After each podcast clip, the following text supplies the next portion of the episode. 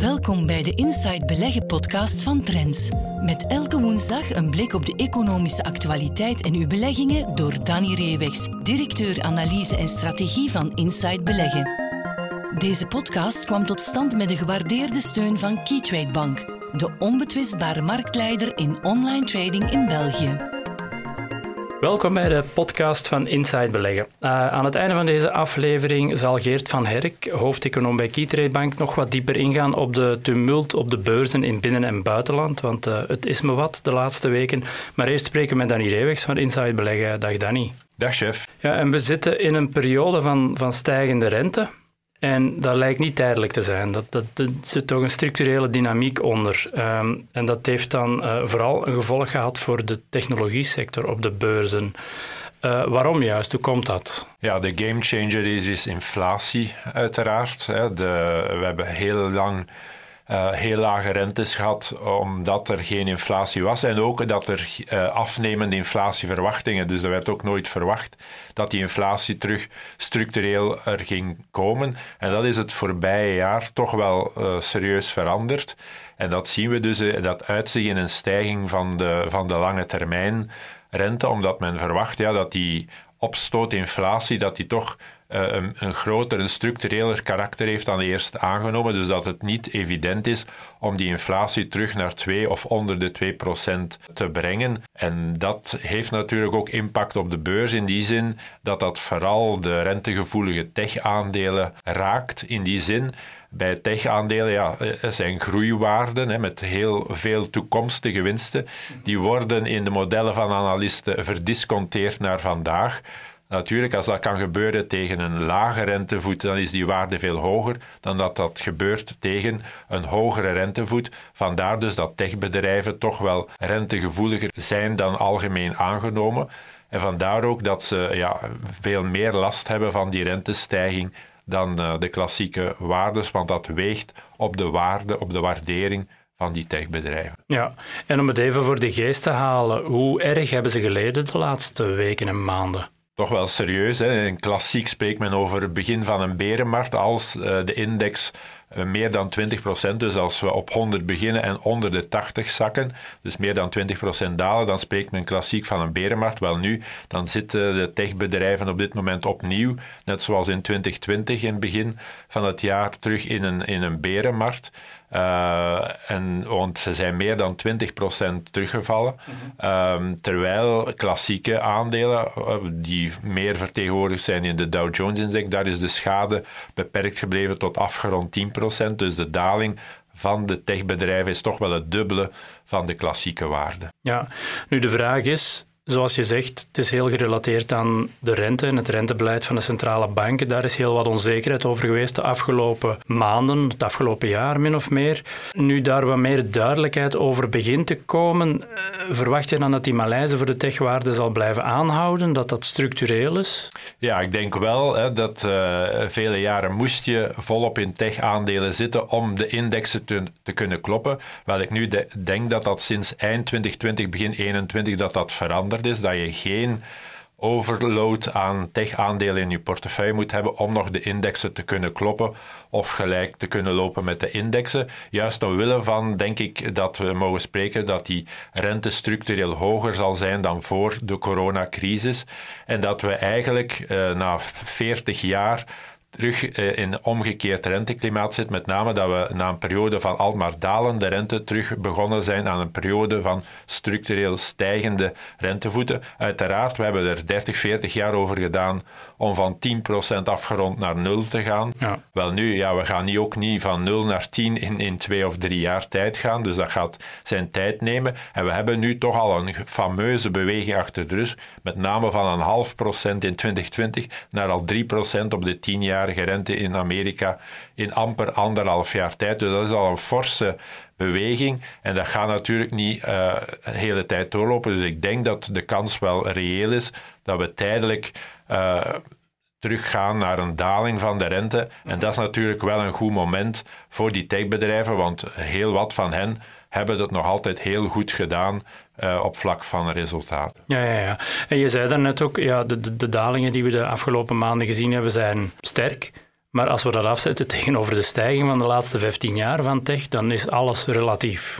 Ja, dat is zeer relatief. We hebben natuurlijk nu een rot kwartaal achter rug, zelfs al vier maanden voor de tech-aandelen. Maar dat neemt niet weg dat als je kijkt naar het voorbije decennium, dat ze nog altijd uh, de Nasdaq een 300% stijging heeft ten opzichte van maar de helft, 150% voor de aandelen uit de Dow Jones. Dus het afgelopen decennium was absoluut het decennium van de techbedrijven, geholpen daarbij door die structurele daling van de rente. Nu daar een einde is aan gekomen, zien we wel ja, dat die outperformance, dus beter presteren van tech-aandelen opzichte van klassieke waarden, dat dat wel voorbij is. Ja, en beleggers moeten die dan volgens jou de komende periode, de komende jaren, naar die techsector meer met een cyclische bril kijken?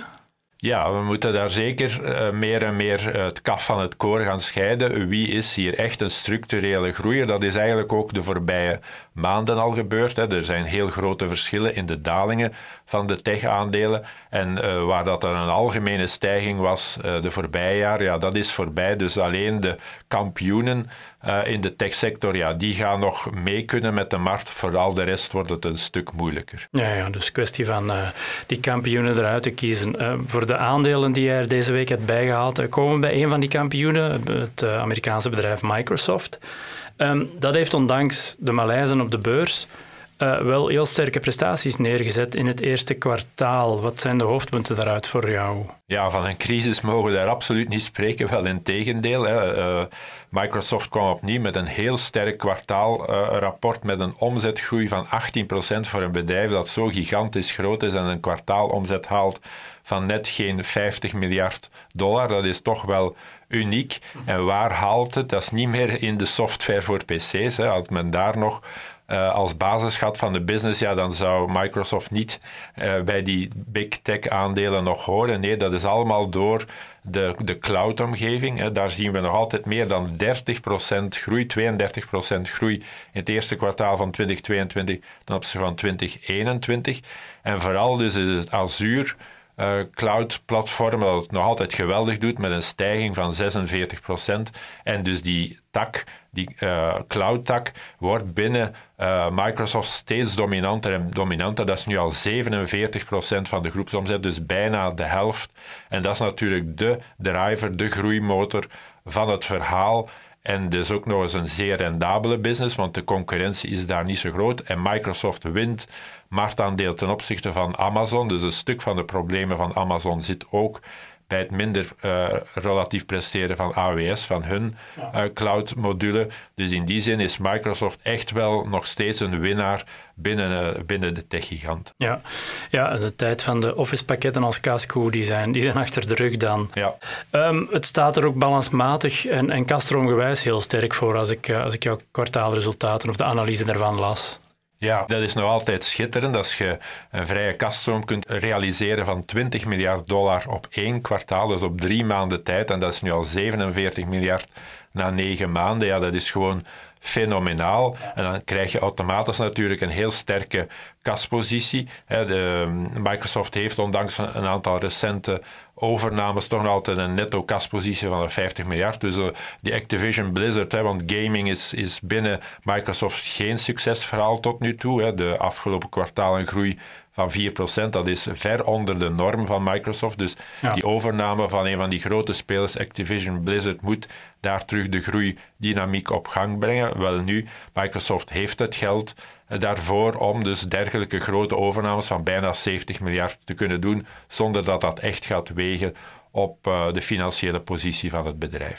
Ondanks al die zaken heeft het Microsoft-aandeel ook wel geleden onder die malaise waar we het in het begin van de aflevering uh, over hadden. Ja, hoe zwaar en, en hoe noteert het momenteel wat betreft waardering en ten opzichte van, van zijn historische koersen? Is het kunnen we het een interessant aandeel noemen momenteel aan deze koersen? Ja, ik denk het algemeen. Hè. Er is geen crisissituatie, hebben we duidelijk gemaakt in het eerste kwartaal. Microsoft blijft heel sterk groeien. Het is dus enkel een aanpassing van de waardering van het aandeel ten opzichte van die stijgende rente. En dat is een goede zaak, want natuurlijk door al die successen, eh, jarenlang van al die techbedrijven, was hun waardering ook heel hard opgelopen. En ze hadden dus die extreem lage rente nodig om die waardering nog te kunnen verantwoorden. Wel nu, die rente is minder laag dan uh, één, twee jaar geleden. En dat heeft zich aangepast in een lagere, meer redelijke waardering. Dat zien we het algemeen van techbedrijven, dat hun waarderingskloof ten opzichte van klassieke waarden is teruggelopen.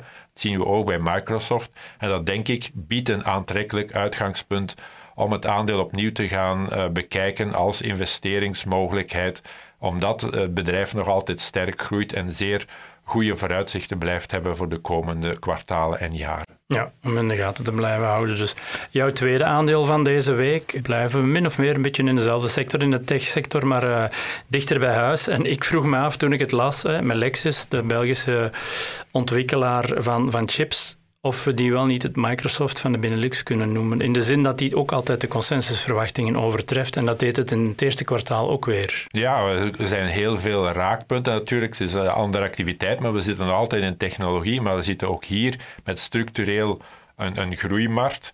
En dan zien we ook dat dit bedrijf helemaal geen last heeft van, van crisis. Er is sprake van kostinflatie, er is sprake van schaarste aan componenten. Maar dat speelt eigenlijk helemaal niet als we naar de resultaten kijken. Ook hier een omzetgroei van 18%. Ook hier worden de verwachtingen geklopt. Ook hier zien we dat de marges eerder stijgen dan dalen. En dus dat de, eh, de winstgroei nog spectaculairder is. En ook hier dus geen vuiltje aan de lucht in het eerste kwartaal bij Melexis. Nee, en uh, om nog even te herhalen, want zoals je zegt, uh, ondanks de seizoensgebonden volatiliteit, ook in dit aandeel, zijn er nog altijd wel een aantal structurele drijfveren die het aandeel en het bedrijf positief beïnvloeden. Ja, het modewoord hier is de elektrificatie hè, van het wagenpark. Dat betekent dat er veel meer chips zitten in, in die wagens, in elektrische of hybride auto's. Ja, daar zitten toch standaard meer chips in dan bij de fossiele brandstoffenmotoren. Uh, dus gemiddeld is dat gestegen van 13 naar 18. Ja, dat is natuurlijk een enorme fenomenale groei. En die groei gaat verder gaan naarmate die elektrificatie van het wagenpark eh, doorgaat. Hè, want spreekt, nu zijn de nieuwe wagens ongeveer 20% elektrisch. En dat zou de komende vijf jaar evolueren naar de helft. Ja, dat is natuurlijk een gigantische groeimarkt voor bedrijven als uh, Melexis. Vandaar dus dat zij mogen spreken ja, van een structurele groeimarkt. En als de autoverkoop dan eens tijdelijk wat minder is, is dat geen ramp voor een bedrijf als Melexis. Nee. Zeg, en ondanks uh, de maleizen op de beurs en in de koersen, ze kloppen de, de consensus uh, voor het eerste kwartaal. En daarbovenop durft het management, oh, durft het management, uh, verhoogt het toch zijn verwachtingen voor het komende jaar. Um, ja, van waar precies? En, en hoe kijk jij daar tegenaan? Ja, dus voor het volledige boekjaar ging men eerst uit van een groei van 12 tot 17 procent. En nu spreekt men zelfs van 18 tot 23 procent. Dat betekent hè, dus nog een verdere versnelling van de groei ten opzichte van het eerste kwartaal, toen we plus 18 procent gingen. Dus dat denk ik is toch wel uh, een gigantisch goede evolutie. Ja. Ook al zijn er twijfels over de autoverkoop op dit moment, maar het is dus de toename van het aantal chips per wagen die hier toch wel de onderliggende uh, groeifactor is en die gaat blijven spelen de rest van het jaar. Bovendien uh, is een bedrijf als Melexis dat internationaal verkoopt, niet alleen in Europa, maar ook in de Verenigde Staten en in Azië, toch wel dollargevoelig. Wel nu, de stijging van de dollar ten opzichte van de euro uh, die we de voorbije tijd hebben gezien, is natuurlijk ook nog een positieve factor voor een bedrijf als Melexis. Ja, en tot slot kunnen we van Melexis ook hetzelfde zeggen als je daarnet van, van Microsoft zei, dat het, um, want het heeft ook, de koers van Melexis heeft ook uh, serieuze daling gekend, dat het daarmee wel aantrekkelijker is dan voordien? Ja, want Melexis, omdat het een van de schaarse, succesvolle tech-verhalen is op de Brusselse beurs, ja, heeft altijd een vrij hoge waardering gehad, ver boven het marktgemiddelde.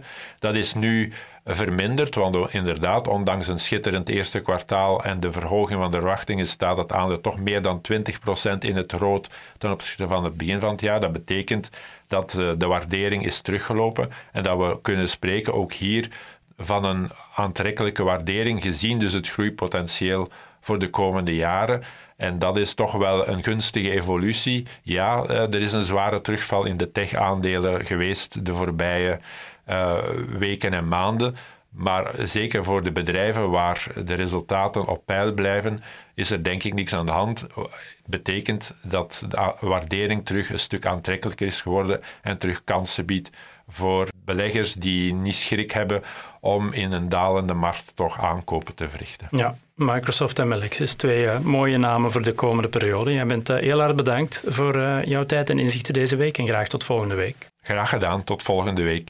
We luisteren nu naar Geert van Herk, Chief Economist van Keytrade Bank, met zijn analyse op een aspect van de economische actualiteit. Hallo iedereen en welkom bij onze wekelijkse bijdrage. Het spreekt voor zich dat we in de bijdrage van vandaag opnieuw stilstaan bij wat er allemaal op de internationale beurzen gebeurt. Het spreekt voor zich dat we bijzonder volatiliteiten doormaken. Ja, en die hogere of toegenomen volatiliteit is toch vooral te wijten aan het feit ja, dat de belangrijkste Europese en Amerikaanse indices onder hun 200 gemiddelde noteren. Uit internationale studies blijkt dan dat als indices of aandelen onder hun 200 gemiddelde noteren, de volatiliteit zeer sterk toeneemt. En daarom ook dat we dagen zien waarop de beurs ja, snel 2 of 3 procent kunnen winnen, om dan die winst ja, de volgende dag opnieuw volledig prijs te geven. En dus ja, zo, zolang die correctie op de westerse beurzen aanhoudt, die correctie die in uh, januari van dit jaar gestart is, zolang die blijft verder duren, denk ik mogen we ons nog gerust aan volatiele dagen verwachten. Maar die volatiliteit creëert natuurlijk ook uh, kansen. Hè. Zeker als we een beetje kijken naar de beurs dicht bij ons, hè, de BEL 20. Daar zien we toch een aantal ja, sterke bewegingen. Ik denk in eerste instantie aan ja, de, de logistieke vastgoedaandelen. Denk aan VGP, WDP. Ja, als we de koersontwikkeling van deze aandelen zien sinds de start van deze maand, ja, dan is dat toch wel bijzonder heftig te noemen. Terwijl eigenlijk met de kwaliteit eh, van dit soort aandelen weinig aan de hand is. Maar het mag duidelijk zijn dat de gestegen lange termijnrentes nu duidelijk toch een negatieve impact hebben op de vastgoedsector. Vanuit een tactisch standpunt uh, zijn we toch van oordeel dat, ja, zoals we ook in de podcast van vorige week zeiden, ja, dat toch die lange termijnrente nu toch eerder ja, aan een plafond begint te zitten. We zien toch heel wat uh, signalen, vooral technische signalen, dat die obligatiemarkt zwaar oververkocht is. Uh, en dat we dus toch vermoeden dat we de komende weken en maanden toch een afkoeling van de lange termijnrente kunnen zien. En dan, ja, dan is de correctie die op dit moment aan de hand is, of aan de gang is, in uh, de Belgische vastgoedaandelen en meer bepaald ja, WDP, VGP en belangrijke aandelen uit de BEL 20, ja, dan is dat op dit moment toch wel een opportuniteit uh, voor een, uh, een wakkere belegger om, om hierop in te spelen, om toch misschien ja, wat aankooporders voor deze aandelen in de markt te leggen. Een tweede aandeel ja, waar ik nog wat commentaar op geef is Umicore. We hebben in het verleden ook al wat commentaar gegeven op de zware koersval van Umicore. Vorige week ja, is het aandeel ja, mooi opgeweerd omwille van overnamegeruchten, overnamegeruchten waaraan we eigenlijk ja, weinig uh, credibiliteit geven. Uh, Umicore denk ik is een belangrijke Europese pion uh, in de batterijproductie of alles wat met de elektrische wagen te maken heeft. Dus de kans dat het bedrijf overgenomen wordt door een Aziatische speler lijkt bijzonder klein. En we zien toch ook recentelijk dat ja, het koers sterk gestegen is na, uh, na dat overnamegerucht en nu toch uh, sterk aan het afkoelen is. Vandaar dat ik op dit moment toch eerder een beetje voorzichtiger begin te worden voor Umicar. En uh, ja, wie dat aandeel ja, een tijdje geleden aan lagere koersen gekocht heeft, zou het ook aanrijden van toch een, deeltje toch al zeker winst te nemen op deze positie. Langs de andere kant zie je ook ja, die cyclische aandelen, zoals bijvoorbeeld ja, Aparam, waar we ook al vaak over gesproken hebben in deze podcast, ook sterk onder druk komen. Ook daar zien we toch interessante technische signalen. Het aandeel begint zwaar oververkocht te geraken. Uh, ook hier uh, zijn we op dit moment toch eerder ja, een beetje opportunistisch aan het uh, kopen. En dat geldt eigenlijk opnieuw voor al die cyclische aandelen. En bij die cyclische aandelen denk ik mogen we nu ook wel de technologieaandelen gaan rekenen die de afgelopen tijd door de gestegen lange termijnrente onder druk komen te staan. En tenslotte ook ja, het beurssentiment is nu toch wel zeer negatief geworden worden. Alle nieuws dat we zien uh, ja, verklaart eigenlijk waarom, de beurs, uh, waarom het zo slecht gaat op de beurs en waarom toch heel wat ja, strategen, economisten of uh, portefeuillebeheerders toch denken hè, dat het de komende tijd nog wat slechter zal gaan op de beurzen. Dus we zien meer en meer ja, pessimistische krantenkoppen in de financieel-economische media. Dus een zeer pessimistisch sentiment. En dat doet natuurlijk ja, de opportuniteit toenemen. Want als het sentiment zeer, zeer negatief is, dan is toch vaak een ommekeer nabij. Dat betekent niet dat we nu op het dieptepunt zitten. Er kunnen nog misschien nog wel wat ja, enkele procenten af, misschien zelfs ja, nog 5, 6, 7 procent. Maar ik ben toch eerder van oordeel dat we naar een soort van uitbodemingsfase gaan voor internationale beurs in de komende weken. Dus uh, wel wat opportunistische aankooporders uh, in de markt leggen voor vooral technologieaandelen, cyclische aandelen en de sterk teruggevallen Belgische uh, logistieke vastgoedspelers lijkt me toch een, een mooie strategie voor om te volgen in de komende weken en maanden. Oké, we horen elkaar opnieuw volgende week. Tot zover deze aflevering van de Inside Beleggen podcast. Meer tips, advies en analyses voor uw beleggingen leest u morgen in Trends. Volgende week zijn we er opnieuw. Deze podcast kwam tot stand met de gewaardeerde steun van Keytrade Bank, de onbetwistbare marktleider in online trading in België.